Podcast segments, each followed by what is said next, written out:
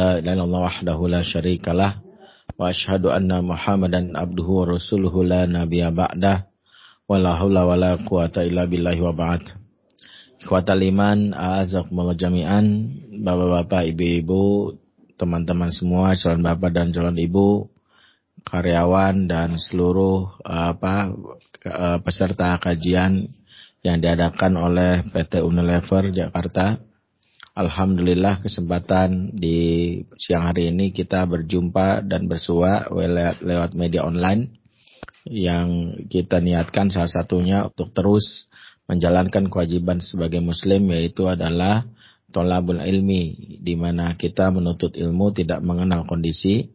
Bahkan dalam situasi pandemi ini terbuka banyak hal untuk kita terus belajar meningkatkan kualitas diri kita agar kita tidak menjadi orang-orang yang justru ada apa merugi di saat kita di masa pandemi ini tidak meningkatkan kualitas hidup kita. Dan kita belajar hari ini tentang bagaimana menyikapi kondisi, menguatkan diri kita, menghadapi segala tantangan yang kita hadapi, agar kita menjadi orang tua yang tangguh. Di mana ketangguhan ini, yaitu agile parent ini, tentu adalah bagaimana orang tua yang terus ter, terus terus uh, apa memahami bagaimana kondisi pengasuhan di zaman sekarang tentu berbeda dengan kondisi pengasuhan di zaman dahulu dari sisi tantangan. Di mana tantangan di zaman sekarang tentu sedikit lebih rumit, di mana segala banyak uh, apa apa uh, teknologi perangkat digital yang tumbuh dan berkembang membuat segala hal menjadi mudah namun menyisakan berbagai macam masalah yang setelahnya termasuk anak-anak kita yang mungkin memiliki banyak pilihan dalam uh, dalam kehidupannya. Kalau dulu orang tua ya mungkin tidak perlu bekal ilmu, tidak memiliki yang namanya apa ilmu parenting, namun tetap ya membuat anak-anak tetap betah berada di rumah. Karena anak-anak kita di zaman dahulu anak-anak tidak memiliki pilihan ya kalaupun dibentak dimarahi ya mereka mau keluar rumah juga mikir. Ya di luar banyak uh, belum ada mall belum ada gadget belum ada eh, hal-hal uh, yang membuat mereka tertarik untuk nongkrong seperti kafe. Ya di luar masih banyak uh, sesuatu yang gelap ya kebun sawah ya listrik belum nyala. Jadi kalaupun mereka kabur mereka punya punya banyak perhitungan ya. Kan mereka mikir daripada keluar ke sambet jin kan gitu ya nggak jelas ke mana mendingan di rumah saja ya di rumah dengan resiko bahwa mereka kadang berhadapan dengan orang tua yang kadang-kadang cuma bisa ngomel.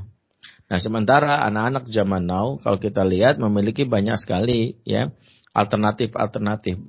Katakanlah kita nggak sekedar membentak, ya kita mungkin berusaha menjadi orang tua yang baik. Nyata orang tua yang baik pun di zaman sekarang tentu masih kalah dengan segala kesenangan yang mereka dapatkan di luar, ya. Sampai saya pernah ketika berinteraksi dengan beberapa anak-anak, saya dapati mereka betah banget nongkrong di luar. Ternyata saya tanya apakah orang tua mereka jahat sehingga mereka nggak nyaman di rumah. Ternyata enggak, orang tua mereka baik. Nah, terus kenapa mereka nggak mau pulang? Jawabannya karena baik sih tapi nggak asyik. Nah, ternyata ada kosakata baru di zaman now bahwa ortu harus berlomba-lomba menghadapi tantangan di luar nggak cukup baik ya karena anak-anak butuh satu hal yang membuat mereka betah di rumah yaitu baik plus asyik. Nah, baik plus asyik inilah yang menjadi tantangan. Belum lagi orang tua juga menghadapi yang namanya problematika dari sisi bagaimana tuntutan-tuntutan zaman. Mulai dari bagaimana bagi ayah mencari nafkah, ditambah di masa pandemi, di mana mungkin terhalangi kita ada aktivitas yang membuat kita bisa mencari nafkah dengan mudah. Bahkan ada yang mengalami PHK ya, dan bahkan mungkin ada yang mengalami yang namanya ya bisnis yang bangkrut. Ya situasi-situasi tersebut juga membuat ya persaingan antar para orang dewasa, para pekerja berat. Tuntutan sebagai seorang yang bertugas mencari nafkah, ditambah tugas sebagai uh, kepala keluarga, menjaga keluarganya adalah tugas yang tidak mudah ya ditambah kekhawatiran-kekhawatiran bahwa banyak sekali isu-isu di luar LGBT, pornografi, narkoba, dan segala hal yang mengerikan. Sehingga sebagian besar orang tua yang memilih jalan pintas hanya memiliki satu solusi. Apa solusinya? Pesantrenin aja gitu. Akhirnya ya udahlah pesantrenin karena mungkin merasa tidak ada lagi yang mereka bisa lakukan kecuali pesantren. Sehingga pesantren tumbuh subur ya dianggap seperti bengkel, anak bandel pesantren, anak bandel pesantren. Dan apa dampaknya ternyata ada para anak-anak yang ketika dipesantrenkan alhamdulillah mampu memiliki bahkan memenuhi harapan orang tua. Namun ada kalanya malah balik dari pesantren mengecewakan dan itu kasusnya banyak. Kenapa? Karena memang sejatinya bukan pesantren yang menjadi pola pendidikan bagi anak-anak dari zaman ke zaman. Bukan sekolah yang kita andalkan. Biar bagaimana kembalikanlah fungsi rumah karena fungsi rumah sebagai madrasatul ula, sebagai madrasah pertama dan itu dimulai dari orang tuanya. Karena itulah dalam situasi yang seperti ini dengan segala tuntutan, dengan harapan, ditambah lagi persaingan, mulai dari dan segala hal yang terkait di luar, maka orang tua memang hanya orang tua yang tangguh lah yang bisa mengatasi ini. Bagaimana profil orang tua yang tangguh? Maka profil orang tua yang tangguh sejatinya bermula dari bagaimana orang tua yang memiliki kekuatan bukan hanya kekuatan fisik, namun juga kekuatan yang paling esensi yaitu kuatur ruhiyah. Kalau kita bisa hubungkan ketangguhan itu dalam uh, apa bagan manusia, di mana manusia itu kan punya tiga unsur.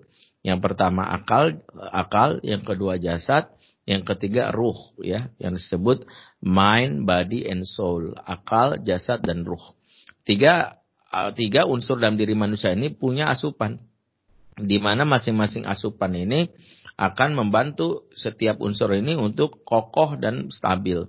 Ya kayak akal, akal ini punya asupan. Kalau enggak diberikan asupan, pasti mengalami disfungsi, kelambatan. Maka ada orang mengalami lola ya, loadingnya lama. Ya, ada yang bilang pikun, bahkan akal mudah lupa ingatan. Sebagian besar karena akalnya tidak diaktifkan. Sebagian besar pensiunan yang mengalami disfungsi akal, yaitu tidak bisa baca berpikir, pikun, ternyata karena stimulus akal atau asupan akalnya nggak dapat jarang diajak ngobrol, jarang membaca, jarang belajar. Ya, itulah mengapa akal ini harus terus diberi asupan walaupun sudah tua. Itu itulah hikmah kenapa menuntut ilmu itu kata Rasulullah minal mahdi di Ya dari buayan sampai yang lahat, bukan dari buayan sampai mahasiswa, bukan. Dari buayan sampai yang lahat. Agar apa? Agar akal ini terus mendapatkan haknya.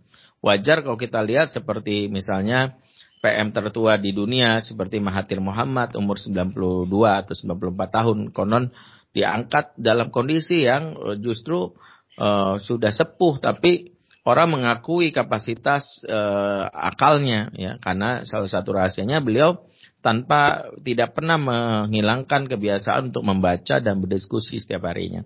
Maka resep pertama kalau kita ingin menjadi orang tangguh jangan pernah kita lelah untuk belajar. Teruslah belajar terutama menghadapi tantangan kekinian. Tantangan kekinian yang kita tahu membutuhkan strategi. Kita harus mengetahui apa sih kehidupan anak-anak zaman now. Karena itulah ilmu akan membantu kita. Orang tua orang tua berilmu lah inilah yang menjadi orang tua yang bisa menjalankan sesuatu dengan profesional. Karena sesuatu yang tidak dilakukan dengan profesional pasti berujung kepada hal yang rusak. Ya, lawannya profesional kan amatiran ya amatiran itu ada bahasa kita tuh abal-abal yang namanya abal-abal pasti bermasalah. Ya bengkel abal-abal kita taruh ah mesinnya rusak. Apalagi ya misalnya dokter abal-abal bukan dokter ternyata malpraktek.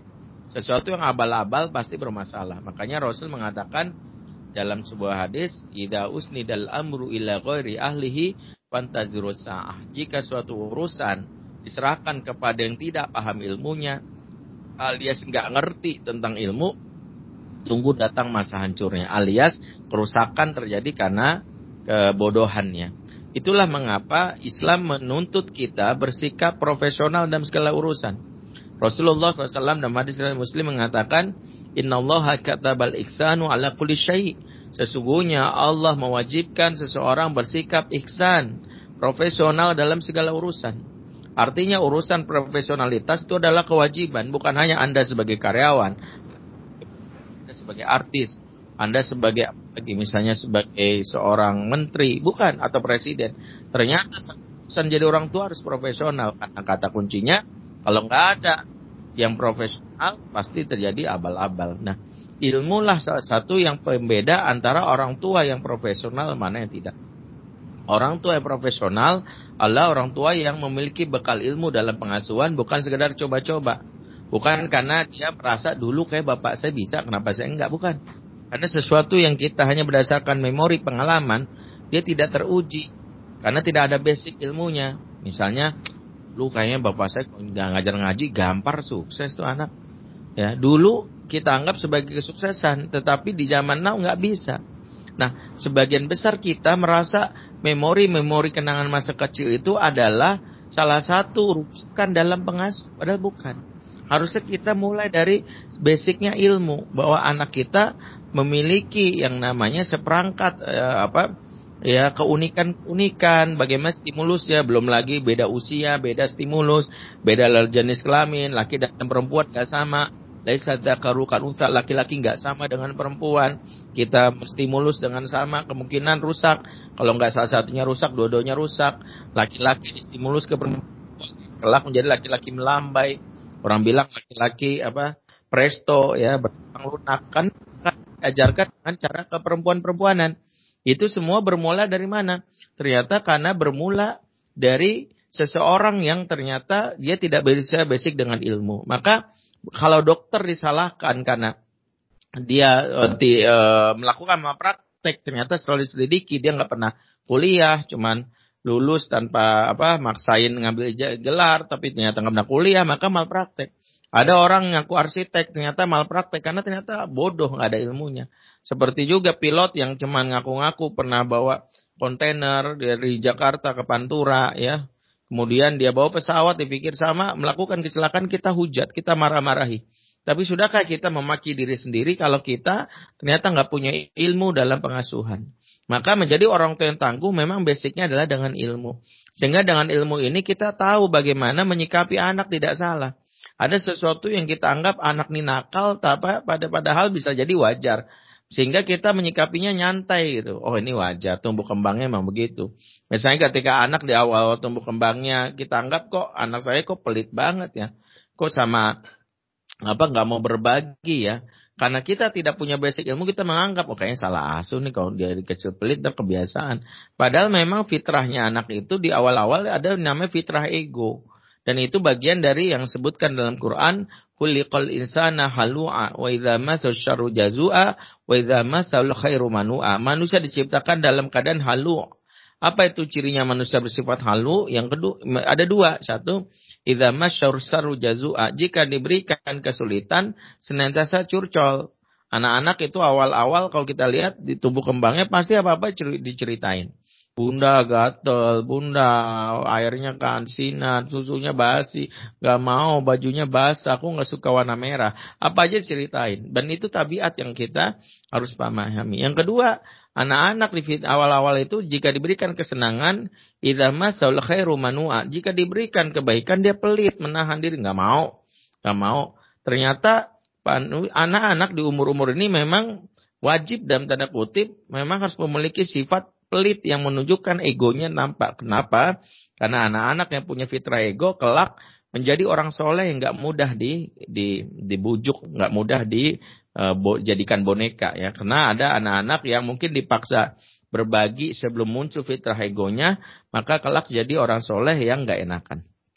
Ya dia tahu hukumnya korupsi tapi kenapa dia tetap korupsi? Habis nggak enak temen gua satu kosan dulu. Aduh gimana ya? Gue juga kan gue diajakkan berbagi empati. Nah ini karena ortu yang mungkin salah menstimulus. Belum lagi stimulasi pada saat anak ABG pada saat ini kita lebih cenderung mungkin agak ketat ya.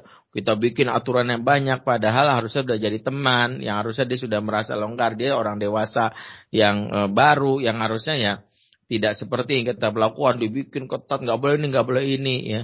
Ya akhirnya banyak ibu-ibu ngegas ke anak-anak remaja Padahal saya sering sampaikan kenapa anak disebut remaja. Karena ini masa ortu dilarang ngegas. Rem aja. Jadilah remaja. Rem aja. Jangan ngegas ortunya. Jadi nyantai. Rem. Rem aja. Maka ini juga menjadi satu ilmu yang kalau kita urai panjang. Jadi orang, orang tua yang tangguh. Orang tua yang terus belajar. Orang tua yang terus meningkatkan kualitas diri karena memang parenting itu ada ilmu untuk ke orang tua. Maka disebut parenting ya. Kalau anak menjadi fokusnya namanya childrening. Childrening itu yang kadang-kadang sering kita bahas. Kenapa ya anak saya ini ya, kenapa anak saya ini gitu ya. Makanya saya excited dan bahagia ketika teman-teman dari Unilever mengajukan judul untuk membuat refleksi muhasabah buat kita sebagai orang tua. Judulnya menjadi orang tua yang tangguh. Karena memang yang dipelajari dalam parenting itu adalah kita sebagai orang tua. Kita sebagai orang tua yang terus, yang tidak pernah putus asa. Karena orang tua yang tangguh itu ada orang tua yang tidak pernah ada kalimat putus asa seraya mengatakan, aduh udah gede Ustaz. Ngapain juga? Uh, anak sudah tua, susah banget dinasihatin. Enggak Sampai Nabi Nuh saja terus berusaha mengajak anaknya. Sampai anaknya yang umur ada ratusan tahun. Kalau kita lihat kan disebutkan Nuh sudah 900 tahun, anaknya 200-an tahun. Anaknya yang bernama Yam atau Kanan saat itu sudah kejebak banjir yang boleh dibilang ya dia sudah dalam keadaan kepepet. Hampir mati.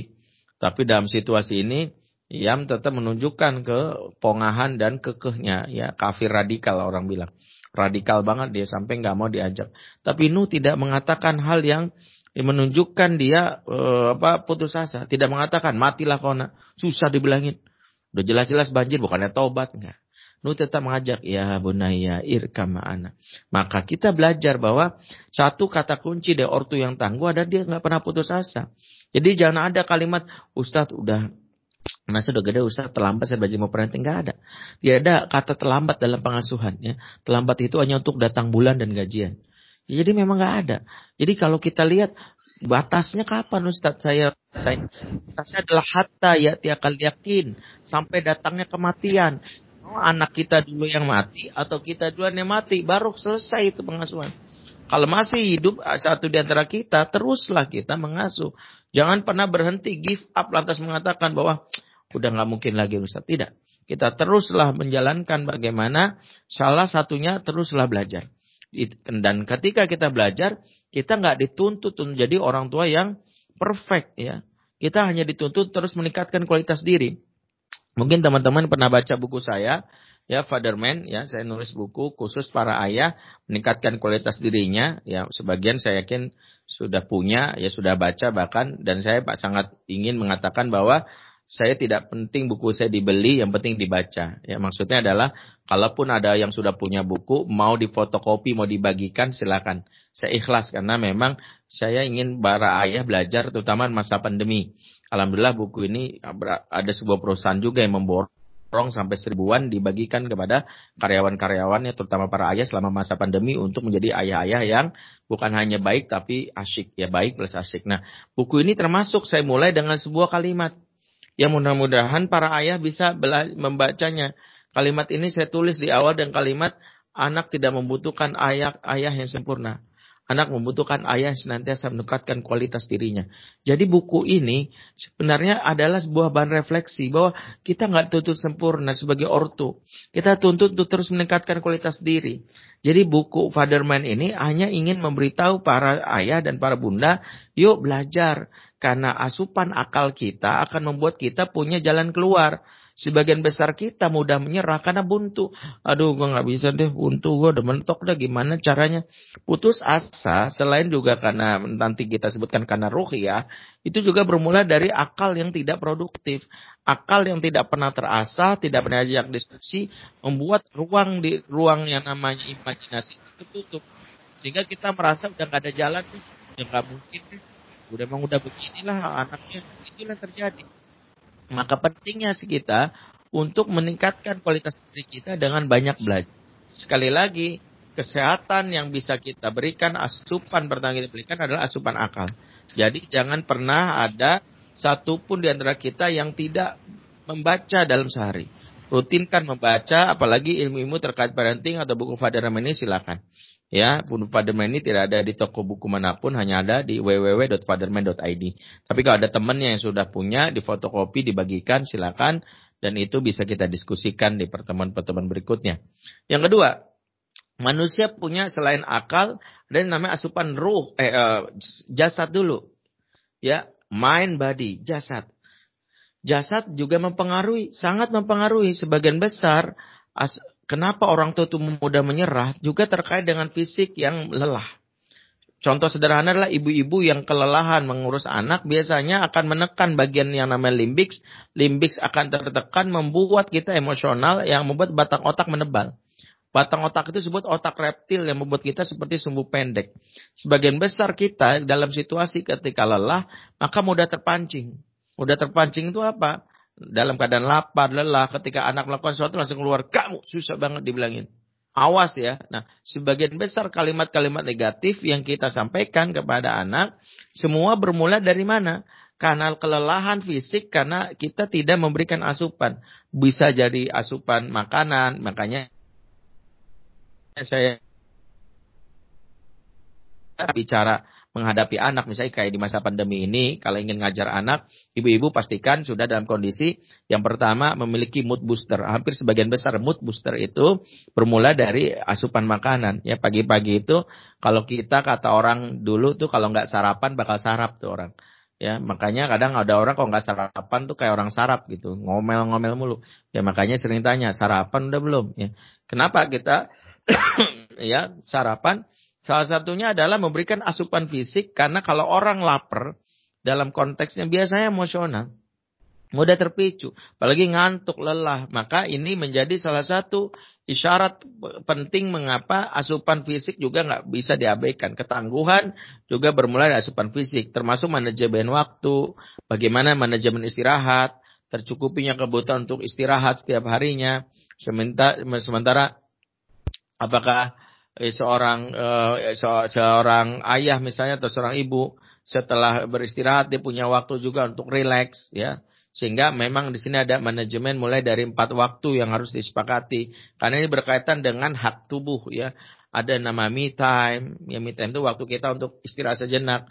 Boleh nggak? Sangat boleh. Kita boleh untuk mungkin melepas diri untuk tidak berinteraksi dengan anak seorang ibu apalagi bisa tidur uh, untuk ngorok ya untuk bisa tidur uh, mungkin me, apa, memuaskan dirinya dengan serangkan hiburan untuk rileks. Ya asal hiburan-hiburan yang mungkin memberikan dampak positif. Ya jangan hiburan yang buat kita makin ya habis nonton kok nangis, yang tonton drama Korea atau sinetron yang dimulai dengan lagunya Rosa tuh yang mulai dengan ku menangis itu.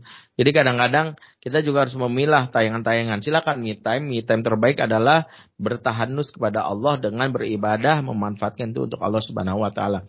Yang kedua adalah couple time. Kita punya waktu juga untuk secara emosional berdua dengan pasangan.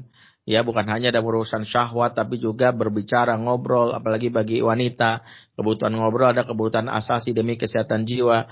Wanita butuh bicara sehari minimal 20 ribu kata. Pentingnya untuk ngobrol. Dan Rasulullah melakukan ini hampir setiap malam sesuai dengan hadis Rasulullah yang disampaikan oleh Abdullah bin Abbas, Bitu Hinda Kholati Maimunah, ya, Uh, uh, karena Rasulullah SAW fatahadasa ma'ahlihi famarokoda. Rasulullah SAW senantiasa ngobrol sama istrinya, ya kemudian tidur. Jadi Rasulullah itu ngobrol dulu pada istrinya baru tidur. Jadi memang ngobrol ini juga couple time. Entah mungkin makan berdua silakan. Yang ketiga baru family time bersama keluarga. Baru yang keempat adalah social time. Nah empat waktu itu penting untuk kita tingkatkan dalam kehidupan kita. Nah para ayah dan bunda belajar menjadi ayah belajar menjadi ibu yang salah satunya juga peduli terhadap asupan fisik. Jadi kadang fisik yang lemah itu mempengaruhi, ya mempengaruhi betul bagaimana kita menyikapi anak-anak. Kelihatan deh ibu-ibu yang kecapean menyikapi anak itu akhirnya nggak bisa senyum. Senyumnya berat padahal bagi anak-anak dia dia tidak mengetahui dunia orang dewasa. Yang dia tahu dia butuh yang namanya senyuman. Sehingga anak itu lebih senang ortu yang berpura-pura untuk senyum ya dan dia nggak ada masalah Anak-anak yang penting dia dapetin itu. Nah ini yang kedua.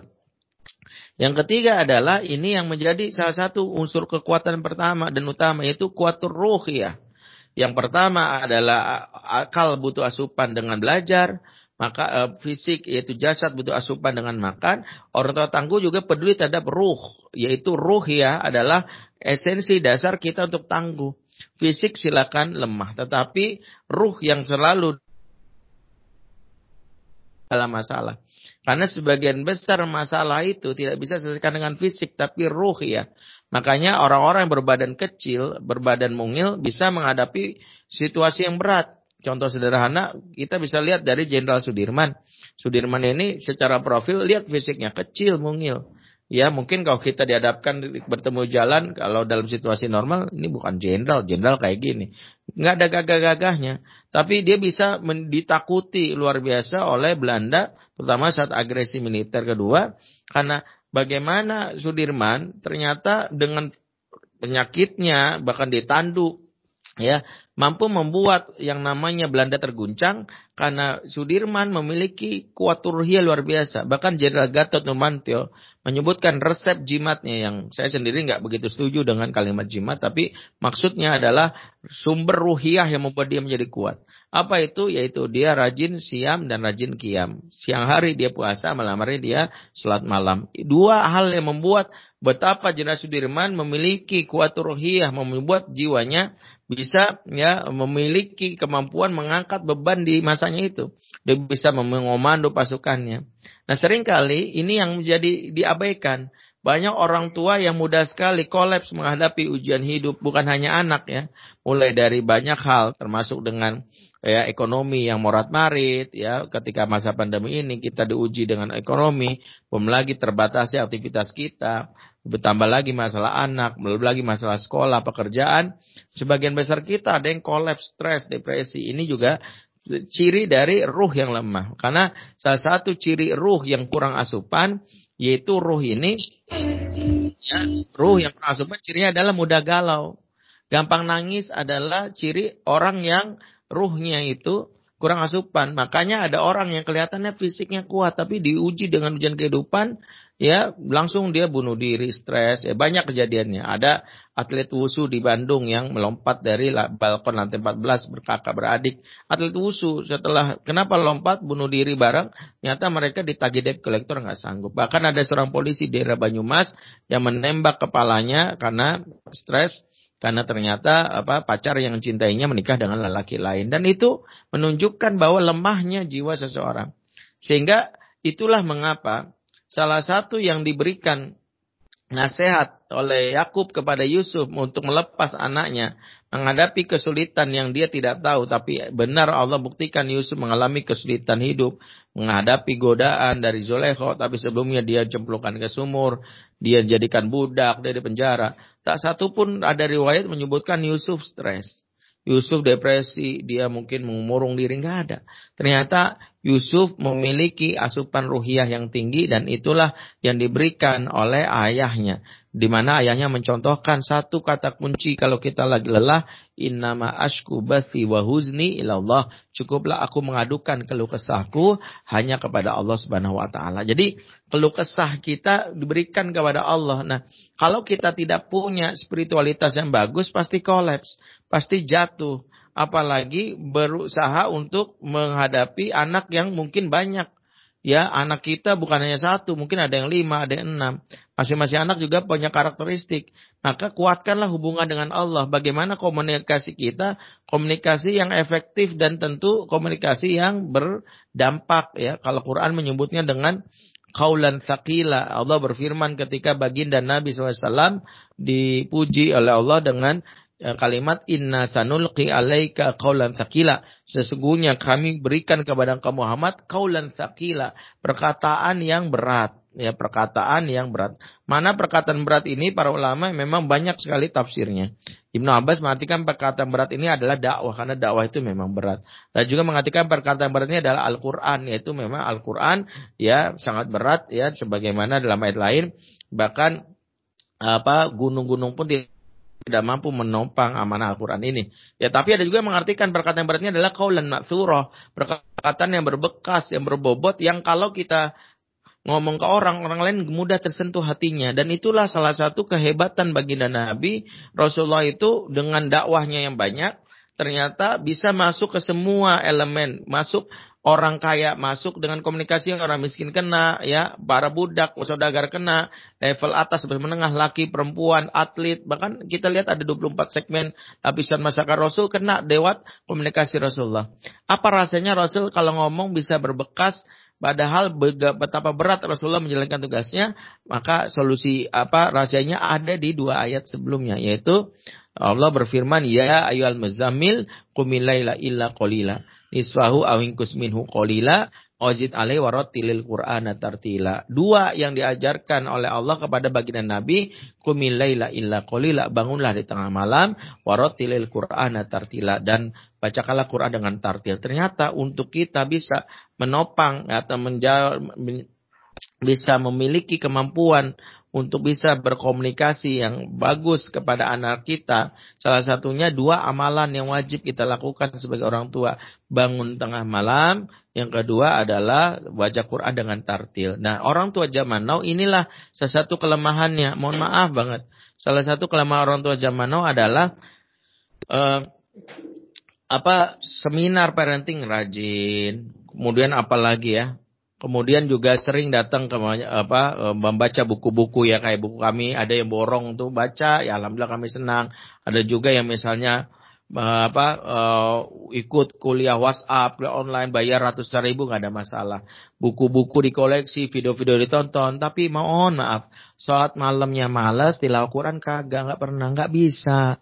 Maka banyak orang tua yang akhirnya nyerah, ya Allah Ustaz, sekian seminar saya lakukan nggak bisa juga. Maka inilah rahasianya kenapa dalam surat An-Nisa ayat 9 Allah ketika menyebutkan permasalahan generasi yang lemah, Allah kasih solusinya dengan kalimat falyattaqullah. Lihat bahasa Allah. Waliyasalladin la taraku min khalfihim zuriatan di'afan khafu alaihim.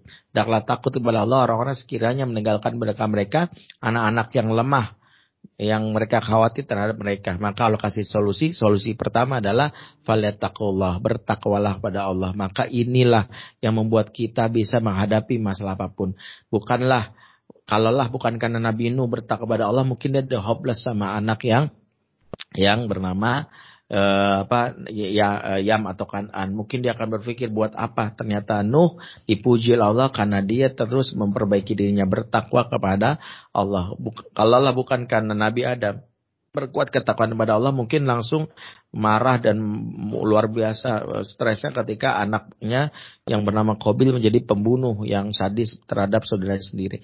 Tapi mereka terus meminta mohon pada Allah bagaimana mereka terus memperbaiki diri, memperbaiki kualitas dirinya. Inilah kenapa orang tua yang tangguh harus memiliki tiga asupan. Maka perhatikanlah siklus hidup kita. Kalau siklus hidup kita lebih banyak belajar, lebih banyak makan, fitness, untuk keburan fisik tapi ngajinya males pasti kolaps. Ya, kelihatan aja fisik kita kuat ya, tampang tentara, hati Cinderella banyak. Ya, kelihatan gaya TNI tapi hati Hello Kitty. Kenapa bisa begitu? Karena ternyata lili jiwanya lemah. Karena itulah pengajian-pengajian itu adalah bentuk pelajaran untuk memberikan asupan. Gak mungkin kita bisa menyikapi anaknya jumlah banyak kalau ibadah kita melempem. Makanya Abdullah bin apa Ibnu Mubarak menyebutkan setiap pertambahan anak harus ada pertambahan uh, ibadah. Beliau mengatakan dulu saat aku bujang ibadahku setiap malam cuma dua rakaat. Tapi begitu anakku sudah bertambah satu, nambah lagi jadi empat. Ketika anaknya mau bertambah lagi dua sampai berapa dia bisa ratusan. Kenapa? Karena anak banyak akan ber, berkaitan dengan amanah. Amanah yang berat harus ditopang dengan akar yang berat. Itulah filosofi di dalam surat Ya, Ibrahim ayat 24 alam taro kaifa daraballahu masalan kalimatan thayyibah kasyajaratin thayyibah aslu tsabit wa faruha fis sama. Tidakkah kau melihat perumpamaan dari kalimat thayyibah yaitu iman seperti pohon yang baik? Apa tuh pohon yang baik? Akar menghujam ke bumi dan menjulang ke langit. Dahannya itu lebat maka harus berbarengan dengan akar. Jangan berpikir ingin mendapatkan dahan yang apa eh, dahannya itu bisa tegar kalau akarnya akar yang keropos. Ada dahan beringin akar toge maka tumbang. Anak jumlah banyak uh, amanah banyak tapi ibadah dari jomblo sampai sekarang biasa saja. Itulah membuat kita kolaps menjadi orang tua yang tidak tangguh. Baik, itulah mungkin yang bisa kami sampaikan karena waktunya sudah lewat dari pukul 13 sebagian disampaikan. Untuk yang bertanya kami serahkan kepada uh, apa moderator untuk mungkin memfasilitasi. Tapi untuk yang buku ya bisa dipesan di www.fatherman.id ya itu karena hanya ada di website tersebut. Silakan kepada moderator. Aku lukul azam Wassalamualaikum warahmatullahi wabarakatuh. baik, baik. Uh, terima kasih Ustadz Bendri.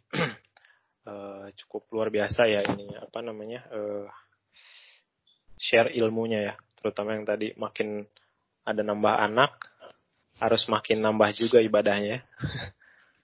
hmm. Uh,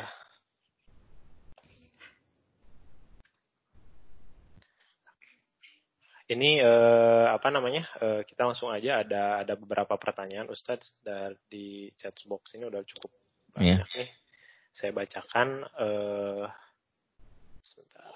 Yang pertama dari Mbak Lamia. Uh, oh ini nanya nanya buku. Nanti saya infoin ya. Kalau ini buku kebetulan Mas Syahid udah udah infoin ini nih. Nanti saya.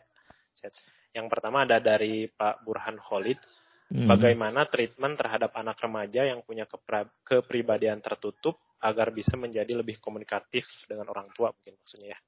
Itu. Baik. Sebagian besar anak ABG ada dua yang kita harus pahami. Tertutupnya itu apakah karena memang salah satu tabiat atau wataknya introvert. Di mana introvert itu memang cenderung dia tidak dia memiliki ruang untuk menyendiri atau tertutup karena dia memang tidak nyaman secara personal terhadap pribadi kita. Nah, itu yang harus kita bedakan. Karena itu ada namanya disebut intimacy meter, derajat keakraban yang mengukur jangan-jangan kita sama anak memang tidak akrab membuat dia tertutup karena tertutupnya itu bisa jadi adalah bagian dari indikator bahwa dia tidak nyaman dengan kita. Sebab orang kalau nggak nyaman dengan kita, cirinya itu dia nggak bisa banyak bicara tertutup. Ya, makanya harus dibarengi dengan indikator lain. Satu, apakah anak mau naik kendaraan bersama berdua saja dengan kita?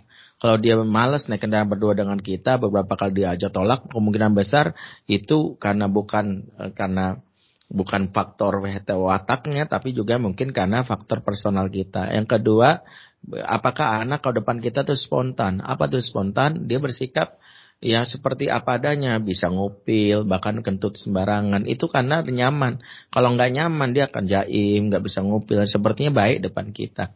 Ya, itu yang terjadi. Makanya suami istri kan kalau akrab nyaman, kadang saling berbalas kentut kan gitu.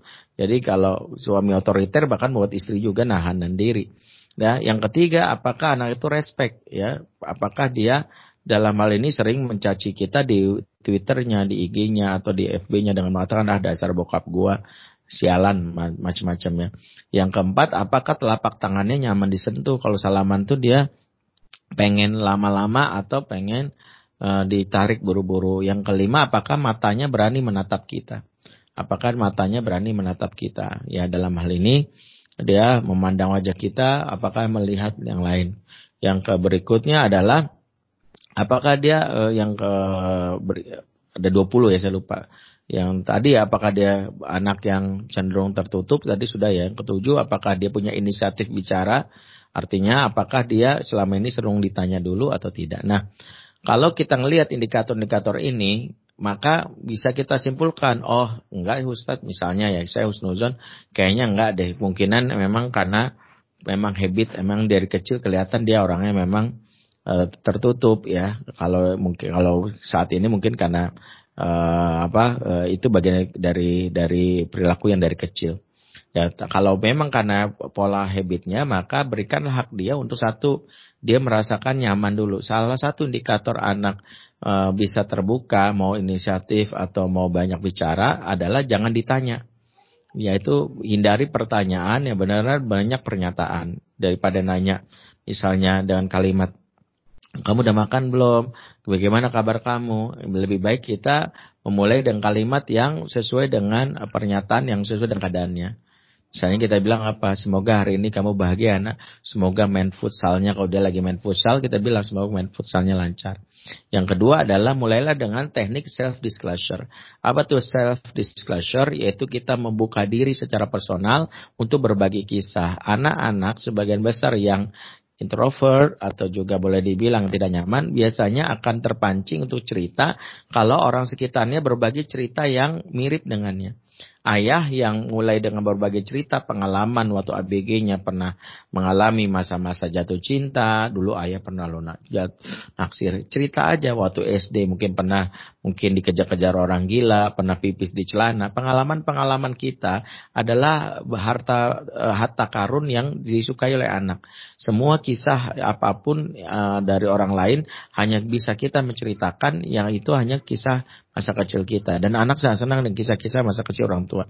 Orang tua senang berbagi kisah tanpa banyak bertanya, kayak KPK sama koruptor. Itu kan teror, anak males tanya mulu. Kamu cerita dong sama papa, sama bunda. Kita kan orang tua kamu, masa kita mau bercerita? Tidak. Orang tua yang anak berbagi cerita, kalau orang tua selalu berbagi kisah. Sehingga, sehingga berlakulah rumus di sini. Anak-anak tuh akan cerita kalau pakai rumus apa? Lu jual, gue borong lu jual, gue borong. Maksudnya apa? Lu banyak cerita, insya Allah gue juga banyak cerita.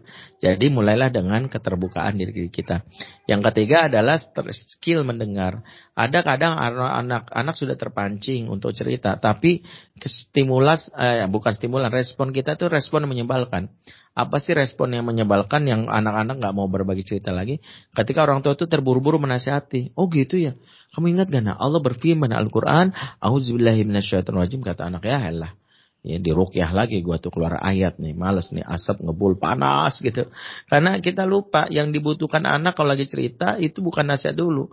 Cukup dengan respon, oh hmm, gitu. Terus terus kan anak-anak seneng gitu. Makanya hindari dulu nasihat karena Rasul pun ngajarin kalau orang lagi berkisah jangan dinasehatin nanti ada waktunya. Maka ada yang strategi yang ketiga kode bercerita respon terbaik namanya mendengar aktif. Jadilah cermin orang tuh seneng. Kalau dia nelpon via telepon udah mulai berbagi, responnya respon yang membuat orang nyaman. Salah satunya wajib dengan gumaman. Hmm, hmm, ya Allah, masya Allah. Coba deh, ada riset misalnya di Jerman, seorang anak atau siapa pun yang menelpon lawan bicaranya, Ketika lawan bicaranya ngangguk-ngangguk tanpa ada respon suara, oh, mm, maka dia akan mengkonfirmasi setiap setengah uh, menit sekali. Kamu dengar nggak sih? Dia akan mengatakan gitu. Kita bilang, dengar, dengar, lanjut, lanjut. Kalau dia sudah dua kali konfirmasi, maka dia tidak minat lagi bercerita. Makanya membuat orang bertahap bercerita, wajib tuh ada respon. Oh ya Allah, hmm, gitu ya. Nah gitu. Ini salah satu stimulus yang bisa Bapak lakukan. Wallahualam sahabat. Baik, Masya Allah. Uh, kemudian ada pertanyaan kedua dari Pak Kemas Umar. Assalamualaikum Pak Ustadz. Bagaimana dengan orang tua yang karena terlanjur emosi kali ya? Orang tua yang karena emosi sampai teriak ke anaknya, kau anak durhaka. Subhanallah. Bagaimana cara merecall kata-kata tersebut? Jazakallah khairan Ustaz. Iya, siapa pun orang tua yang terlanjur mengucapkan kata-kata yang buruk, maka bertobatlah kepada Allah dengan istighfar sebanyak-banyaknya karena ini kalimat yang tidak disukai. Dan kalimat ini ya menunjukkan apa eh, salah satu kalimat yang Rasulullah katakan laisal mu'min apa Al-la'an bukanlah seorang mukmin yang suka melaknat karena marah dengan perbuatan anak durhaka itu laknat. Seorang mukmin tidak melaknat. Jadi penting untuk kita perbaiki. Terus bagaimana membuat anak terhapuskan hal ini? Allah berfirman dan surat Hud 114 di pertengahan ayat innal hasanat yudhibna sayiat. Sesungguhnya kebaikan yang banyak akan mengusir asaiat keburukan yang banyak. Kalau Bapak sudah membuat dia terekam kalimat negatif dengan asaiat itu, maka perbanyak al-hasanat itu kalimat kalimat-kalimat positif. Maka mulailah bertekad satu untuk selalu membisikkan kalimat positif. Papa minta maaf ya, mulailah dengan minta maaf. Yang kedua, kamu hebat. Kamu bisa, kamu luar biasa, kamu anak yang cerdas, kamu anak bisa dibanggakan. Dan itu yang disebutkan di dalam surat Al-Azab ayat 70 dan 71 ya alladzina amanu taqullah wa qulu qawlan sadida yuslih lakum wa yaghfir lakum dzunubakum. Orang-orang beriman bertakwalah kepada Allah dan perhati ucapkanlah kalimat yang baik dan kalimat yang baik itu akan perbaiki amalanmu dan hapuskan dosa-dosamu. Jadi perbaiki itu yang kemarin. Maka mulailah perbaiki dengan berkata-kata yang baik. Yang kedua adalah Berkata-kata yang baik ini bisa kita lakukan dan stimulus sering-sering berbisik. Karena berbisik akan memberikan ruang privat membuat anak merasa dirinya istimewa. Dan itu lakukan Rasulullah kalau ingin membuat anak merasa nyaman dengan sering berbisik.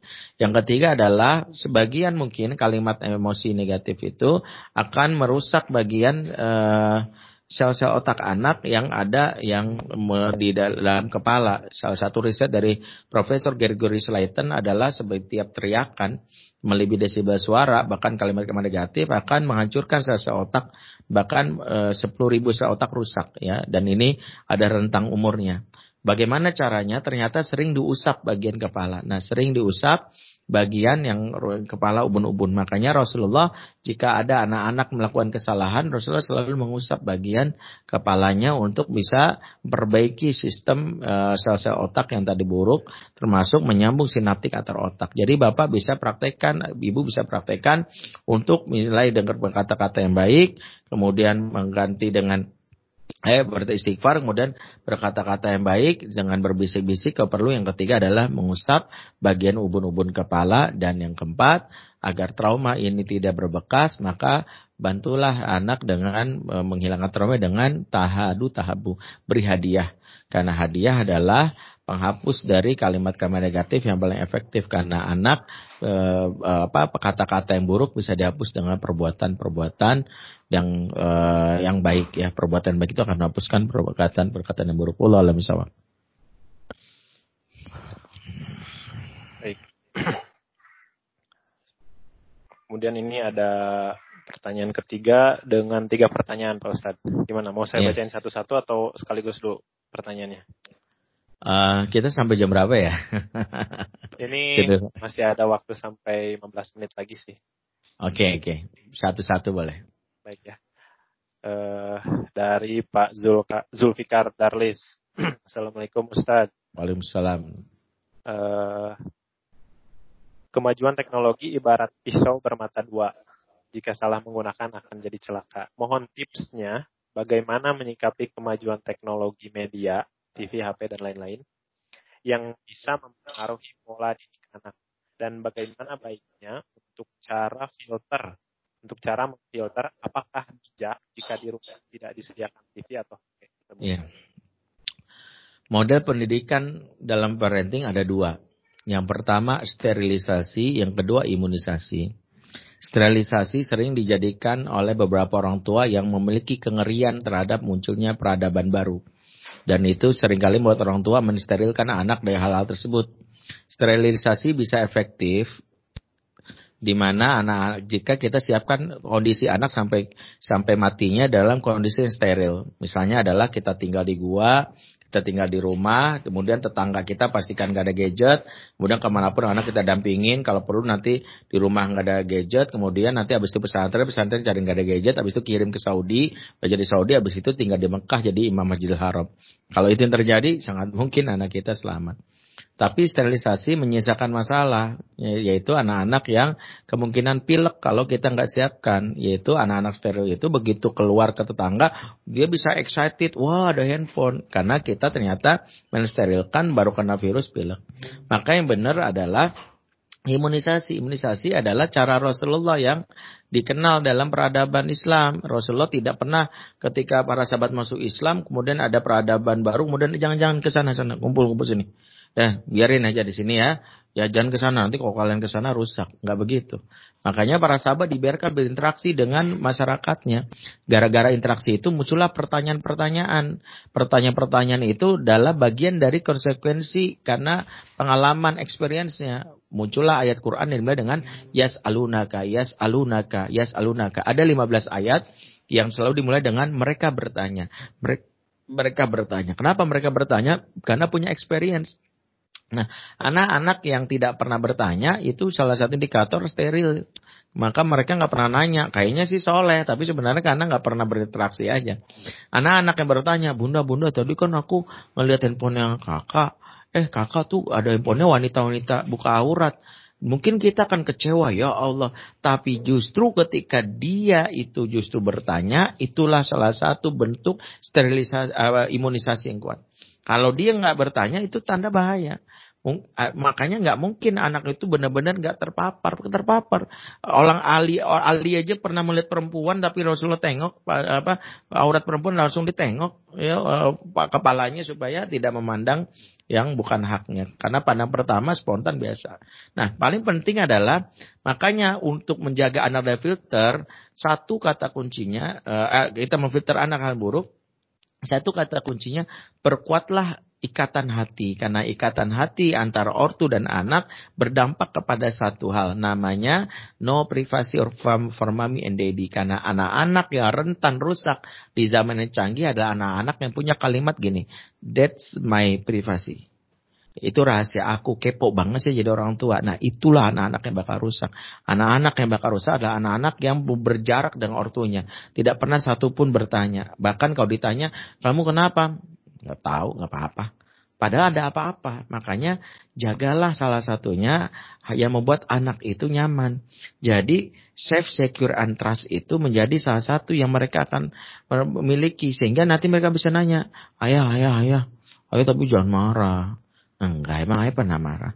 Misalnya, ayah tadi kan aku jujur ya, tadi kan diajak teman. Dan gajah itu ternyata aku dilihatin gambar telanjang ya. Kita mungkin agak kecewa, marah. Ya Allah. Tapi kita percaya anak ini sedang menunjukkan kesolehannya. Dia dia mau cerita, aduh udah bagus. Terus gimana nak yang kamu lakukan? Ya aku tadi udah nolak temanku maksa, tapi di pikiranku jadi nempel terus. Nah itu lebih baik daripada kita ngomong kurang ajar, awas kamu ya pak gampar. Abis itu nggak mau cerita, maka dia akan semakin kuat untuk meneruskan itu. Makanya memang di sini siapkan anak kita untuk menghadapi lingkungan yang berat. Karena orang soleh itu bukan orang yang dia itu bebas dari dosa. Orang soleh itu orang yang tidak memilih untuk dosa, tapi ketika dia terjebak dari kesalahan dia cepat balik. Itu yang kita miliki. Jadi tidak ada orang bebas dari dosa. Nah anak kita kita didik gitu, bukan anak yang nggak boleh ya sama sekali berbuat dosa. Ya, memang nggak boleh sampai sekali berdosa. Cuman Allah kasih jalan keluar. Kalau berdosa kembali bertobat, kuatkan dirimu. Itu yang penting bisa jawabkan. Jadi kalau ditanya kemajuan teknologi ini jangan kita anggap musuh. Yang namanya uh, namanya teknologi harus dikuasai kaum muslimin kan lucu. Kalau orang-orang soleh dibilang enggak enggak sterilkan nih teknologi milik orang barat. Nanti orang barat ngerusak kita mau orang jadi senjata buat mereka. Kita tunggangi itu. Makanya kita isi dengan hal positif. Nah, kalau kamu nanti punya gadget, isilah gadget itu dengan konten yang membuat ya apa orang-orang ya, yang memanfaatkan untuk yang yang aneh-aneh kalah dengan apa yang kamu berikan. Ya, Allah alam Baik, terima kasih Ustadz. Ini uh, pertanyaan Pak Zul ini masih ada dua, cuma saya lihat di bawah nih ada cukup menarik pertanyaan nih pengalaman pribadinya Pak Didit. Mungkin yeah. saya loncat ke sini dulu. Assalamualaikum Pak Ustadz, saya pernah mengalami kegagalan dalam rumah tangga.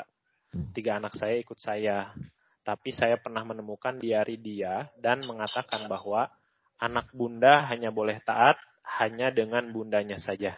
Sehingga sampai saat ini, tiga anak saya yang sudah besar susah sekali mendengar nasihat dari saya. Anak saya sudah tertanam di otaknya hanya bunda yang boleh ditaati atau diikuti. Bagaimana cara memberi pengertian kepada mereka. Iya. Dalam konsepnya, setiap perceraian menimbulkan bukan sekedar hutang pengasuhan, tapi luka pengasuhan. Luka pengasuhan ini bisa jadi terjadi satu karena ba'da perceraian kita tidak menegakkan adab. Saya mungkin harus ini saya simpelkan karena pembahasannya akan panjang. Tapi banyak kasus orang setelah bercerai itu tidak menegakkan adab. Apa sih adab setelah bercerai? Ada setelah bercerai itu disebutkan surah Al-Baqarah ayat 237. Allah berfirman dan ini perhatikan yang sudah bercerai dan terlanjur bercerai. Karena perceraian sejatinya sesuatu yang benar-benar harus kita hindari. Tapi kalau sudah terjadi perhatikan adabnya. Wala tansal fadla benakum. Jangan lupakan kebaikan di antara kalian. Jadi Allah mengingatkan kalau udah bercerai jangan lupakan kebaikan terutama dengan mantan. Jadi mengenang kebaikan mantan itu salah satu ajaran Islam kalau sudah menik pernah menikah sama kita. Kenapa sih harus dikenang? Karena logikanya orang kalau sudah bercerai yang ada rasa sakit hati itu ditumpahkan dengan menyebut keburukan dan tanpa sadar itu nyampe ke anak. Dan itulah rusaknya konsep pengasuhan. Ibu yang sakit hati dengan dengan dengan mantan suaminya tanpa sadar curcol dengan bilang gini, mama ini korban bapakmu, nah dari dulu sakiti terus. Mama kamu tuh kamu nggak tahu bagaimana sakitnya mama tuh. Akhirnya dia adalah bapak jahat. Yang kedua adalah bapak juga gitu, mama kamu didengerin, makanya bapak ceraiin. Enggak. Di sinilah salah satu yang memang kenapa Quran menyebutkan dalam surat Al-Furqan 74 yang pertama kali perbaiki itu bukan anak, hubungan suami istri, mau cerai maupun belum cerai. Robbana hablana min azwajina wa zuryatina. Ya Rob, karuniakanlah dari sisi kami, dari pasangan kami dan keturunan kami. Jadi pasangan dulu perbaiki. Jadi satu harus komunikasi dengan mantan. Perbaiki. Kita sudah selesai hubungan kita, move on lah. Sekarang apa pun kita lakukan, jangan bangga kalau anak kita akan mengatakan begini. Pokoknya kalau udah gede aku lan papa. Terus ibunya bilang, yes, kamu do dukung mama. Ibu melakukan dua hal. Satu, ibu berkontribusi terhadap dosa besar anak. Namanya uku kelualidain. Yang kedua, ibu sudah membuat anak mengalami luka pengasuhan yang berpeluang mengalami penyakit psikologis. Ah, mudah-mudahan tidak sampai kepada penyimpangan seksual. Karena temuan saya di lapangan anak-anak yang punya sakit hati kepada ayah kandungnya ya akan mengalami penyimpangan seksual. Ya mungkin saya yakin insya Allah nggak terjadi. Tapi ini penting saya sampaikan. Makanya jangan fokus ke anak kalau saya pikir. Fokuslah bagaimana memperbaiki hubungan dengan mantan. Hubungan kita sudah selesai. Tapi ada tanggung jawab. Tanggung jawab itu yang harus kita lihat karena sakit hati kita jangan sampai berujung kepada kerusakan anak. Karena itu buat Bapak yang bertanya kepada saya, perbaikilah hubungan dengan mantan dan sepakati. Bahwa jangan main ego di sini. Kadang anak jadi kezoliman kita karena ego. Tapi yang kedua, eh, apa yang sudah setelah kita perbaiki hubungan pasangan, barulah Bapak mungkin berupaya memperbaiki hubungan dengan anak. Saya baca buku Faderman ini, ya silakan. Ada beberapa tips yang disebut namanya taklif, taklif kepada takrif, mengikat hati. Ketika ortu pandai mengikat hati, itu ada tips yang bisa dibagikan di sini. Bapak baca, insya Allah tips ini mengajarkan Bapak untuk anak menyadari konsistensi kebaikan Bapak akan membuat anak menyadari bahwa uh, kebaikan Bapak itu bukan jadi gini, logika taat itu bukan logika perintah sejatinya. Logika taat itu logika cinta. Makanya orang kalau udah cinta nggak usah disuruh taat, pasti dia taat. Nggak usah jauh-jauh ya Pak ya. Saya kasih contoh Ronaldo itu. Persepak bola yang followernya 250 juta di IG. Sebagian besar nggak kenal sama Ronaldo. Saya punya kawan psikolog psikolog uh, dia itu punya anak si murid yang ngefans sama Ronaldo tergila-gila Ronaldo. Suatu hari Ronaldo bilang gini di sebuah akun IG atau televisi pakailah sampo ini sampo ini bla bla bla bla. Itu kawan saya cerita muridnya itu langsung beli sampo tersebut pada kepalanya botak Logikanya gimana? Kepala botak beli sampo. Pernah dikomplain, lu kok beli sampo botak kan pala lu. Ronaldo beli, masa iya gua nggak beli? Gua mah fans sejati. Makanya jangan fokus untuk menggugat. Kok kamu sih bisa cinta sama mama bukan, rebutlah hatinya. Jadilah bapak yang cintai, bapak yang dicintai. Jadilah father man, jadilah bapak yang membuat anak itu, "Papa, aku cinta papa." Kalau udah cinta, nggak usah ada bahasa taat dengan respontan. Masa iya kalau orang udah cinta masih protes? Orang kalau udah cinta mah apa juga kalau bahasa kasarnya gunungan kudaki lautan kuseberangi kan gitu ya. Anak akan berkata gitu. Seringkali ketika anak misalnya mengatakan ini kita langsung ifil, ah, nggak akan tahu ah, apa berarti anak ini nggak taat bukan. Lebih baik periksa jangan-jangan memang belum jadi bapak yang dicintai. Jadi dua PR bapak mulailah dengan perbaiki hubungan dengan pasangan, dan mantan maaf. Yang kedua, mulailah jadi bapak cintai, jadilah father man. Mulailah misalnya. Baik, masih ada lima menit terakhir, Pak. Ya. Ini satu uh, dari Ibu Yusi pertanyaannya. Cara paling tepat menumbuhkan kesadaran anak laki-laki uh, untuk sholat di masjid. Mungkin satu yeah. aja kali ya, satu lagi nih dua uh, pertanyaan dari Mbak Riana. Assalamualaikum Ustaz, bagaimana caranya mengajak suami untuk uh, juga berminat mendengarkan kajian tentang parenting agar kita punya visi dan misi yang sama dalam mengurus yeah. Iya. uh, anak kali. Ya? Iya. Yeah. Tujuh langkah agar suami mau kita ajak kepada kajian parenting. Satu, Catat buat ibu yang nanti mau praktekkan. Penuhi kebutuhan perut dan di bawah perutnya. Pastikan suami kenyang, makanan yang kita hidangkan makanan nikmat, dan berhiaslah seperti lakukan Ummu Sulaim. Ketika ingin menyampaikan kabar yang apa, mendebarkan kepada suaminya Abu Sulaim. Jadi ibu bersiap-siap untuk misalnya berhias, berdandan, ya kalau punya pakaian yang seksi ya, dan itu boleh saja lingerie atau apa pun, suami merasa tertarik. Kenapa ini dijadikan strategi? Karena Cara satu cara untuk membuat seorang mudah mendapatkan nasihat adalah membangun hormon happiness atau menstimulus hormon happiness yaitu empat hormon yaitu namanya oksitosin, dopamin, endorfin, dan serotonin. Nah, dua hal yang bisa membuat seorang laki-laki terbang hormon happiness adalah eh, ya nafsu perut dan di bawah perut yaitu syahwat. Kalau dia sudah klimaks, syahwatnya sudah apa terpenuhi, inilah dia sudah mendapatkan empat hormon itu keluar, inilah membuat dia tenang mudah nikmat, nyaman. Nah ini juga saat yang tepat ibu minta tambahan uang belanja. Jadi kalau mau seperti itu. Yang kedua, baru satu nih, jangan langsung disuruh satu selesai. Catat. Yang kedua, bahwa ibu wajib berbicara, mulailah berbicara maksimal 15 kata pertama. Nggak boleh lebih dari 15. Ini riset. Ibu lewat dari 15 tidur tuh suami.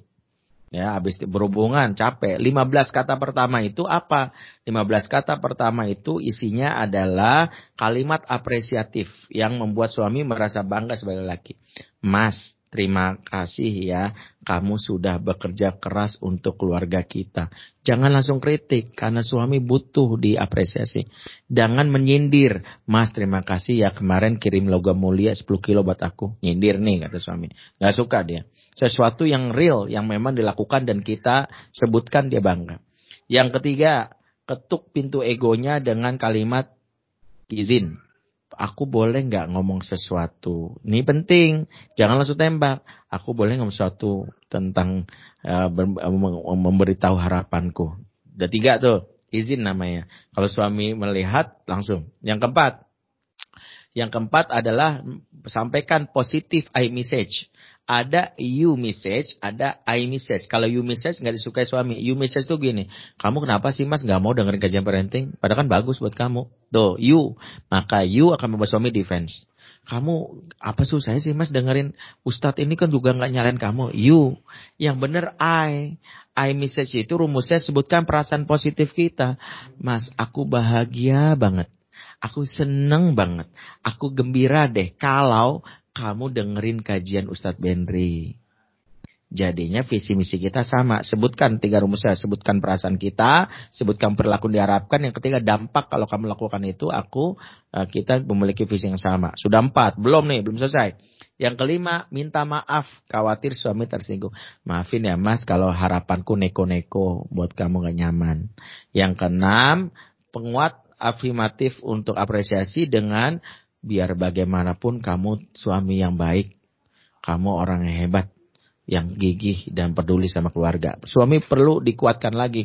Bahwa kritik itu tidak membuat dia merasa kehilangan kelaki-lakiannya. Yang ketujuh, pentingnya suami diberikan tiga sentuhan yang yang yang ber apa yang apa uh, efektif eh tiga sentuhan yang bereaksi reaktif yang yang pertama adalah kecup punggung telapak tangannya yang kedua pipinya boleh. Atau yang ketiga tepuk punggungnya. Eh, eh tepuk bahunya. Insya Allah tujuh langkah ini membuat suami lebih mudah untuk diajak pada baikan ataupun cara yang lain. Ya termasuk kalau mbak mau menagih untuk dibeliin Galaxy Samsung S20 kayak punya saya silakan. Wallahualam Masya Allah. Uh, ini satu lagi Ustadz dari Ibu Yusi. Udah tiga belas. Uh. Ya, menumbuh menumbuhkan kesadaran untuk anak laki-laki agar mau sholat di masjid. Ya, kaidahnya gini, at-ta'lif qabla ta'rif, at-ta'rif qabla taklif. Ini penjelasannya panjang. Ada dalam buku Fadarman. Ikat hatinya sebelum kamu kasih tahu, kasih tahu sebelum kamu kasih tugas. Orang tuh akan mudah dikasih tugas kalau dikasih tahu. Orang akan mudah dikasih tahu kalau dikasih di di apa sudah diikat hatinya. Maka jangan nasehatin kalau kita nggak bisa nggak belum dicintai karena Nabi Muhammad SAW pernah melihat salah seorang Arab Badui pipis di Masjid Nabawi itu dibiarin. Bukan berarti Rasul membiarkan kemungkaran. Rasul sedang berstrategi. Orang udah mau nabuk nih kurang ajar. Kata Rasul, dahu, biarin, biarin. Setelah pipis di masjid, bayangin masjid pipis diambil air disiram. Rasul memegang pundaknya, kemudian memegang mengusap punggungnya, kemudian berbicara yang lembut. Orang ini tersentuh banget sampai dikasih tahu, ini kan masjid. Oh, masjid dia merasa bersalah nggak enak Rasul malah menghapus uh, apa bekas najisnya. Kemudian orang ini mau dibawa kepada kebaikan. Besok nggak mau pipis lagi. Karena hatinya tersentuh. Buktinya hatinya tersentuh apa? Beliau berdoa gini Allah marhamni warham Muhammad walatarham goirona ahadan. Ya Allah sayangilah aku dan sayangilah Muhammad. Yang lain jangan kau sayang. Saking keselnya yang lain gak usah disayang Allah. Nah inilah kenapa kalau saya sering mengatakan kata kunci keyword dalam pengasuhan namanya good relationship. Makanya buku Fatherman dan buku-buku yang lainnya yang saya tulis sejatinya mengajarkan bagaimana membangun hubungan yang baik dengan anak. Allah alam Baik, karena waktu sudah uh, habis ya. Uh, untuk dua pertanyaan Pak Zul mungkin nanti saya chat lewat Mas Syahid kali ya. Ya. Baik. Kita tolong dijawab. Kemudian untuk kayaknya banyak juga teman-teman yang e, berminat untuk berminat beli buku Pak Ustadz Bendri mungkin nanti bisa e, chat ke saya nanti bisa saya bantu koordinir dan e, dengan stafnya Ustadz Bendri. Okay. E, terakhir Ustadz e, sebagai penutup e, minta tolong untuk dipandu e, doa penutup Ustadz.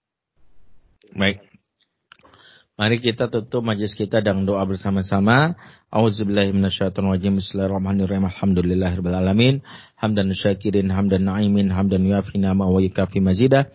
Ya Rabbana lakal hamdu kaman bagi li jalal hujikal karimi wa azimi sultanik. Allahumma salli ala sayyidina Muhammad wa ala sayyidina Muhammad.